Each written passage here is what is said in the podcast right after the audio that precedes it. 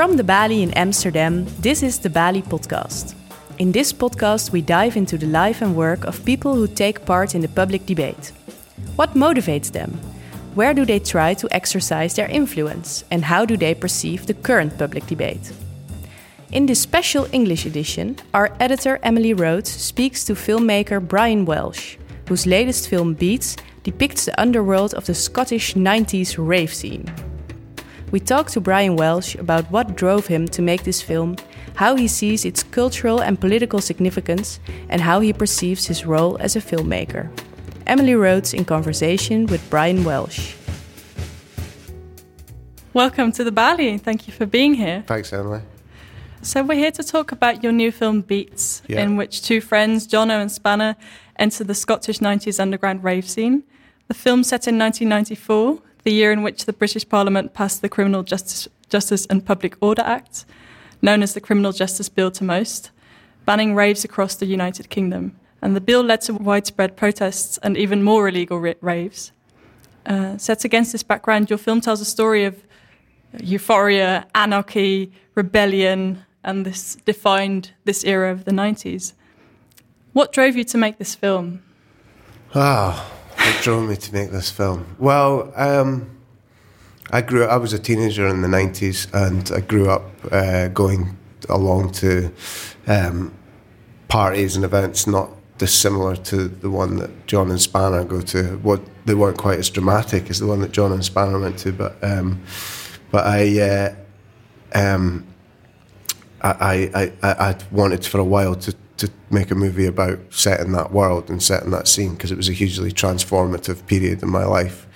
Um, a period that I think is responsible for many of the decisions that I've made in my life since then. I don't think I'd be making movies now if it wasn't for that era. And uh, and I, I, I, a friend of mine had suggested that I go along and see a play that was playing at the Bush Theatre in mm. London and it was this one man performance of uh, of uh, by Kieran Hurley, who's my co-writer and now friend, um, and he told the story of 1994 post-industrial town. Criminal Justice and Public Order Act, and these two boys, John and Spanner, going to this illegal rave and coming into uh, direct conflict with the forces of law and order.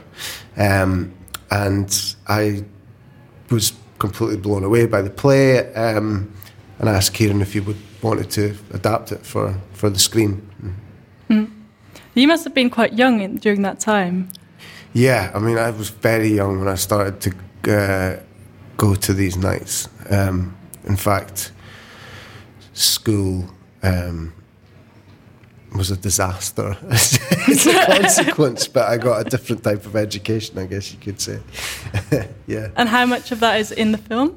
Um, quite a lot of personal experience, because, like you know, like I say, the, the play itself was quite. Um, it was just Kieran uh, and a microphone, a, a, a, DJ, and some visuals, um, and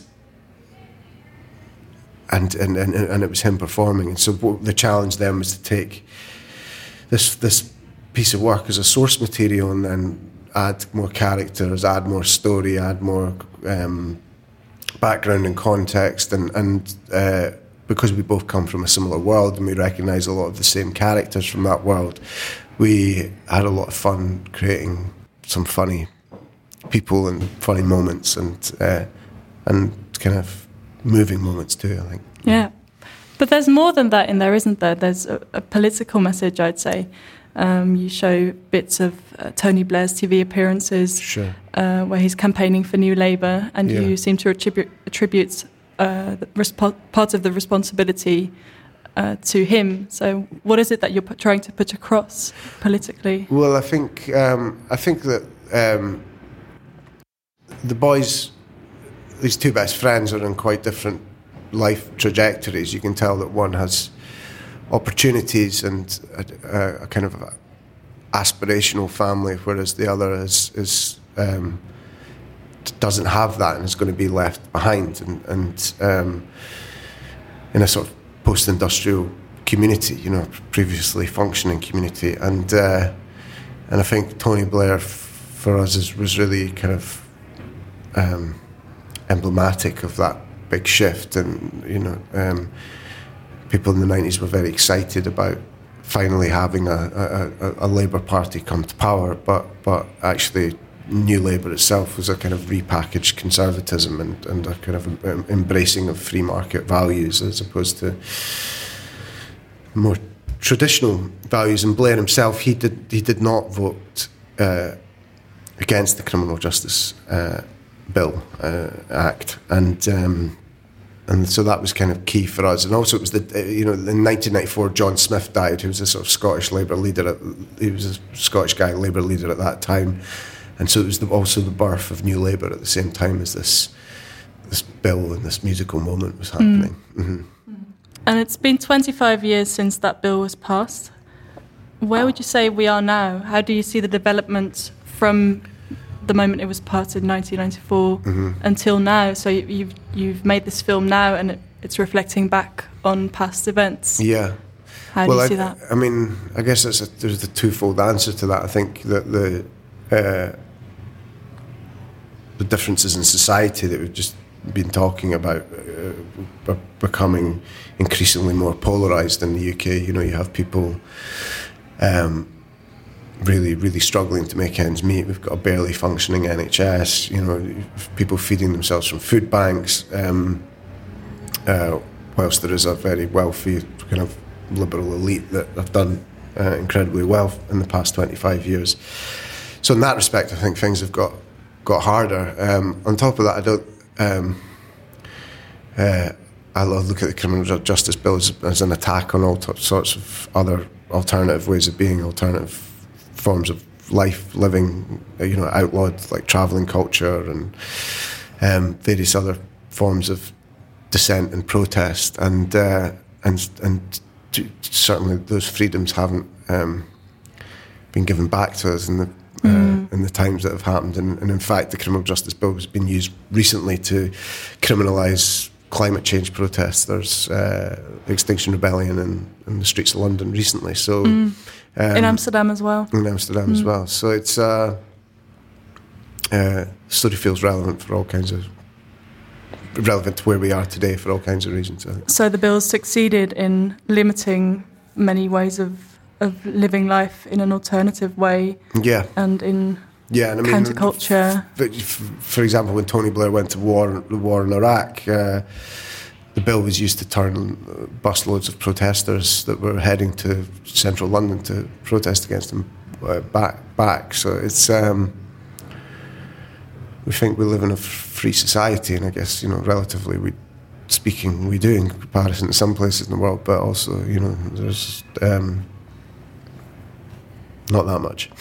and do you hope with your film to change a certain mindset? Do you hope to make people aware of this in some way? Well, I really. Um, I think different people take different things away from the film. I think a young audience who wasn't there at the time will enjoy the movie as much as an, as an older uh, audience who maybe was too old to have been there, or even people who were, were there at the time. But certainly, in terms of like a young audience, I hope that they watch the film and uh, feel inspired in some way to um, rebel. To, to, rebel, yeah. I think disobedience is important uh, as a young person. I think. Uh, how well can you know yourself if you've never broken the law at least once? And uh, and you know, and for the rest of us who are you know maybe a bit older, looking at the film, I, I, I certainly never wanted to make a, a, film that was about nostalgia in any way, and I don't, I don't think that is the effect of the movie. I think, but the sense that I come away from for the film is really reflecting on the idealism of our youth and mm. the things that we think are important when we're young. How, as we get older, they can be slowly eroded, and by you know by by the um, by a need to kind of survive in modern society. So, mm. if anything, I think uh, the film is about the hopefulness of youth and it, and and it's the fragility of its ideological purity. Like. Maybe a celebration. Yeah. Of youth. Yeah. And, and, and, nowadays, dance culture with its music and drug scene, um, in it's, it's common in commercial venues around the world. How do you, uh, as someone who's experienced the beginnings of this culture uh, from the 90s, regard these recent developments, this um, globalization of a form of counterculture, Mm. which was local back in the 90s, and now Mm-hmm. it's become such a widespread phenomenon? Yeah, I mean, I would probably argue with the idea that it was like local in, in the 90s. I think it's always been a, a kind of worldwide movement. You know, certainly when I was going out, um, a lot of the music that we listened to and loved, you know, came from Detroit, and and mm-hmm. and the the guys in Detroit, the, the, the, they were inspired by music by like Bronski Beat or you know, Kraftwerk, and and so mm-hmm. there's mm-hmm. you know everything always has its has its own journey in terms of art and and, and the, the, you know one thing inspires the next and various mutations become something new and, and exciting. So um, in terms of the sort of free party scene if you like that we're representing in the film I, I do think there's uh, I do think that there are pockets of these things still happening all over the place, and um, but it's true. It's like any youth subculture inevitably becomes sucked into the mainstream and gets commercialized, and uh, and people begin to make money out of it. And um, you know, how do I feel about that? I, I, there's a sort of crushing inevitability about it that is, you know. Uh, Why is that, do you think? um, well, it's like all kinds of things, like gentrification. You know, it's like why is it that an area that was once, you know, um, sort of impoverished, and then all the artists move in, and you know, then it becomes kind of trendy and a bit yuppie, and and the prices shoot up. It's like everyone wants the next cool thing, isn't it? Um, um, but I, I mean, I'm not pessimistic about about. Uh, about the times that we live in now either. You know, I think there are lots of you know young people and young musical movements that are you know as exciting, and you know young people are having as good a time now as they were back then, and and um, yeah. What, how would you say that um, the dance culture uh, of, of nowadays compares to the 90s? Because I, I remember when I watched the film, there was a lot of similarities. I recognised exactly that euphoria that Yeah. you that you get when you're at a place like that. Uh, people everywhere around you Yeah. in the same ecstatic state. Um, drug infused, of course, as well. Yeah, I mean, I think that you've got to remember that the internet really wasn't a big thing then, and smartphones weren't really a big thing then. So it was like um, people were a bit less. I mean, people go nuts now when they go, go to they these definitely do. events. But you know, I've heard Twitch say that like back then they went really nuts because you know it was a more kind of innocent time in a way, you know, um, and and um, I think people nowadays are a bit more like self-conscious, self-aware because every moment's being recorded, or some, you know, people have on Facebook or you know the social media times that we live in that people are a bit more, bit less liberated in some kind of way. Um, but again, I, I don't want to be one of these guys that's going on about how great it was back in the day because I don't believe that either. I think things just just change, you know, and, and you you you embrace it and try to seek out something new all the time, you know. But you have been critical about um, this uh, this mechanism that co-opts all these things that were once free Yeah, and are now not anymore. Yeah, I mean, you think like the punk movement was the same, and um, uh, hip hop, um, you know, from its origins to w- where it is now, it's a multi-billion-dollar industry. Um, So it's inevitable, but you don't think it's a bad thing. Well, I guess what I'm talking about is the the personal experience as opposed to the sort of commercial side of things. I mean, I'm I'm not. Um, the commercial world isn't really what motivates me, if you like. Um, I think it's much more experiential, if you like. Um, and I I think for any young artist, whether they're filmmaker or in music or whatever that being trying to be true to yourself in some way as opposed to setting out with an agenda of like a sort of money making ethic is probably a good place to start if you want to do something original. It's good to question authority. It's good to challenge authority and and because you know sometimes there's guys that are in positions of a in positions of power that are making the decisions over what we should and shouldn't do don't have our best interests at heart. So is film the best medium to put out that message? I think any art's a good medium to put out that message. It can be a, a novel or a movie or music or um, street art. You know, it's. Mm. How about the difference between documentary film and fiction film? Because you've made both. Mm. I, I um, it's always a question I ask myself about stories. You know, it's like, would this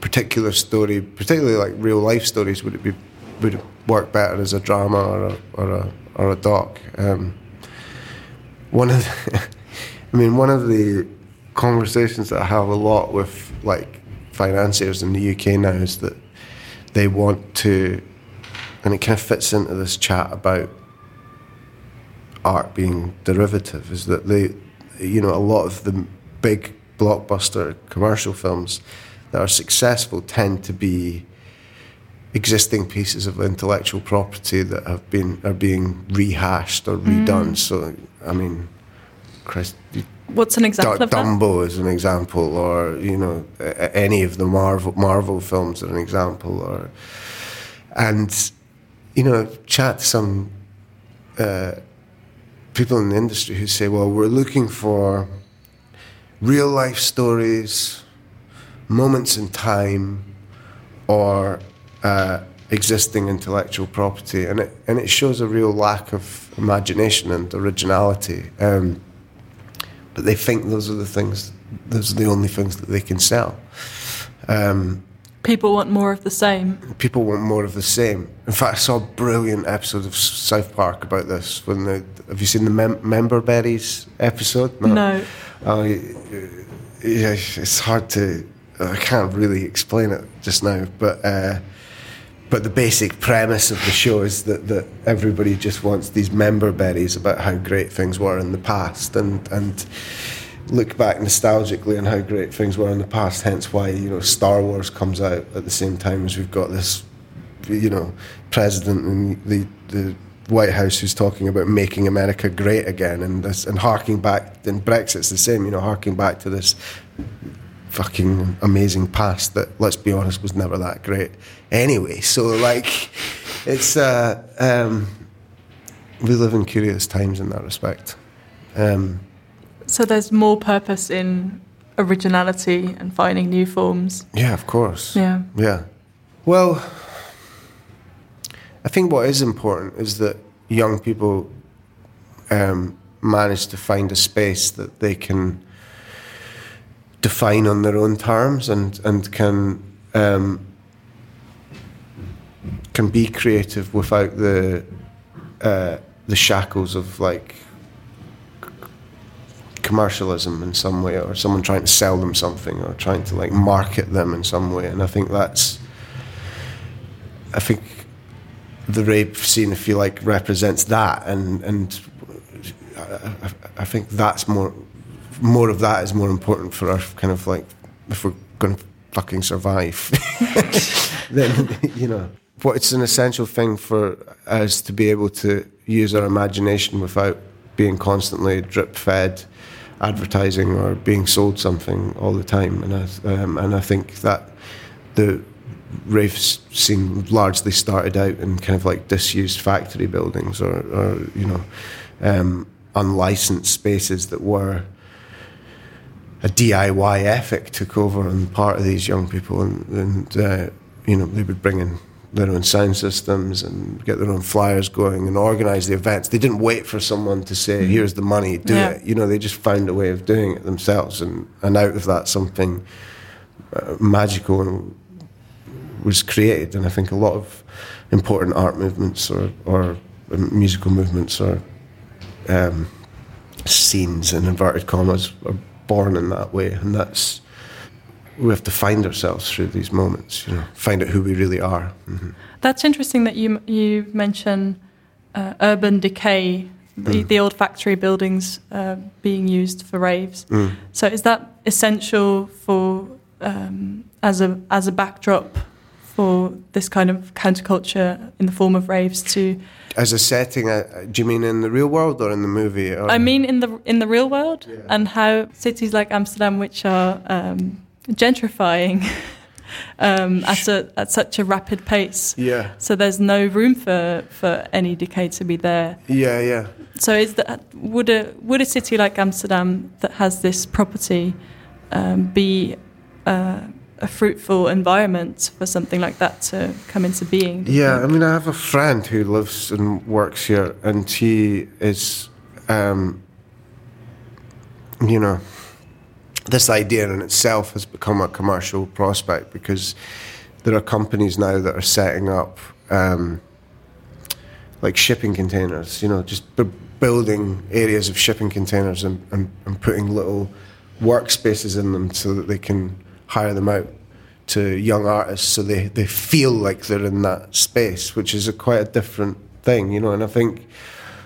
I think you're right. I think what's becoming clearer in most urban eh, um, areas, particularly in the capital cities, I think it's different once you get out of the capital cities. But is there is there there is no free space anymore, um, and uh, and that that is, that is also the case. I mean, it is also the case in the countryside as well. That there is, you know, every piece of land is portioned up and owned by someone and has a value, and you know, you can't you can't take a van and go and park somewhere and sleep overnight in the UK. You you know, it's it's very hard. You get fined, and that and that's. Um, Do you consider yourself an activist?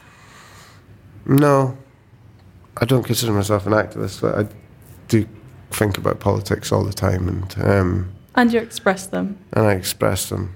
So what's next? Uh, what's next? Well, I'm working with Kieran uh, on and producer Camilla Bray, uh, both who I worked with, partnered with on Beats. Uh, we're developing three three ideas up in Scotland. Uh, I've got some other ideas for, for films. I'm just kind of like out there pitching, reading scripts, reading books, trying to find what the next thing's going to be. Um, yeah, optimistic. And maybe there's a mission to change the cinema landscape in the UK Well, yeah, in these I mean, tumultuous times. And Yeah, it's it's. Uh, I don't hold the keys to that to to that to that really. You know, it's the guys with the money that do, and um, and the public funding bodies as well, of course. So, um, but I certainly want to be part of the dialogue. You know. Um, I'm sure you are.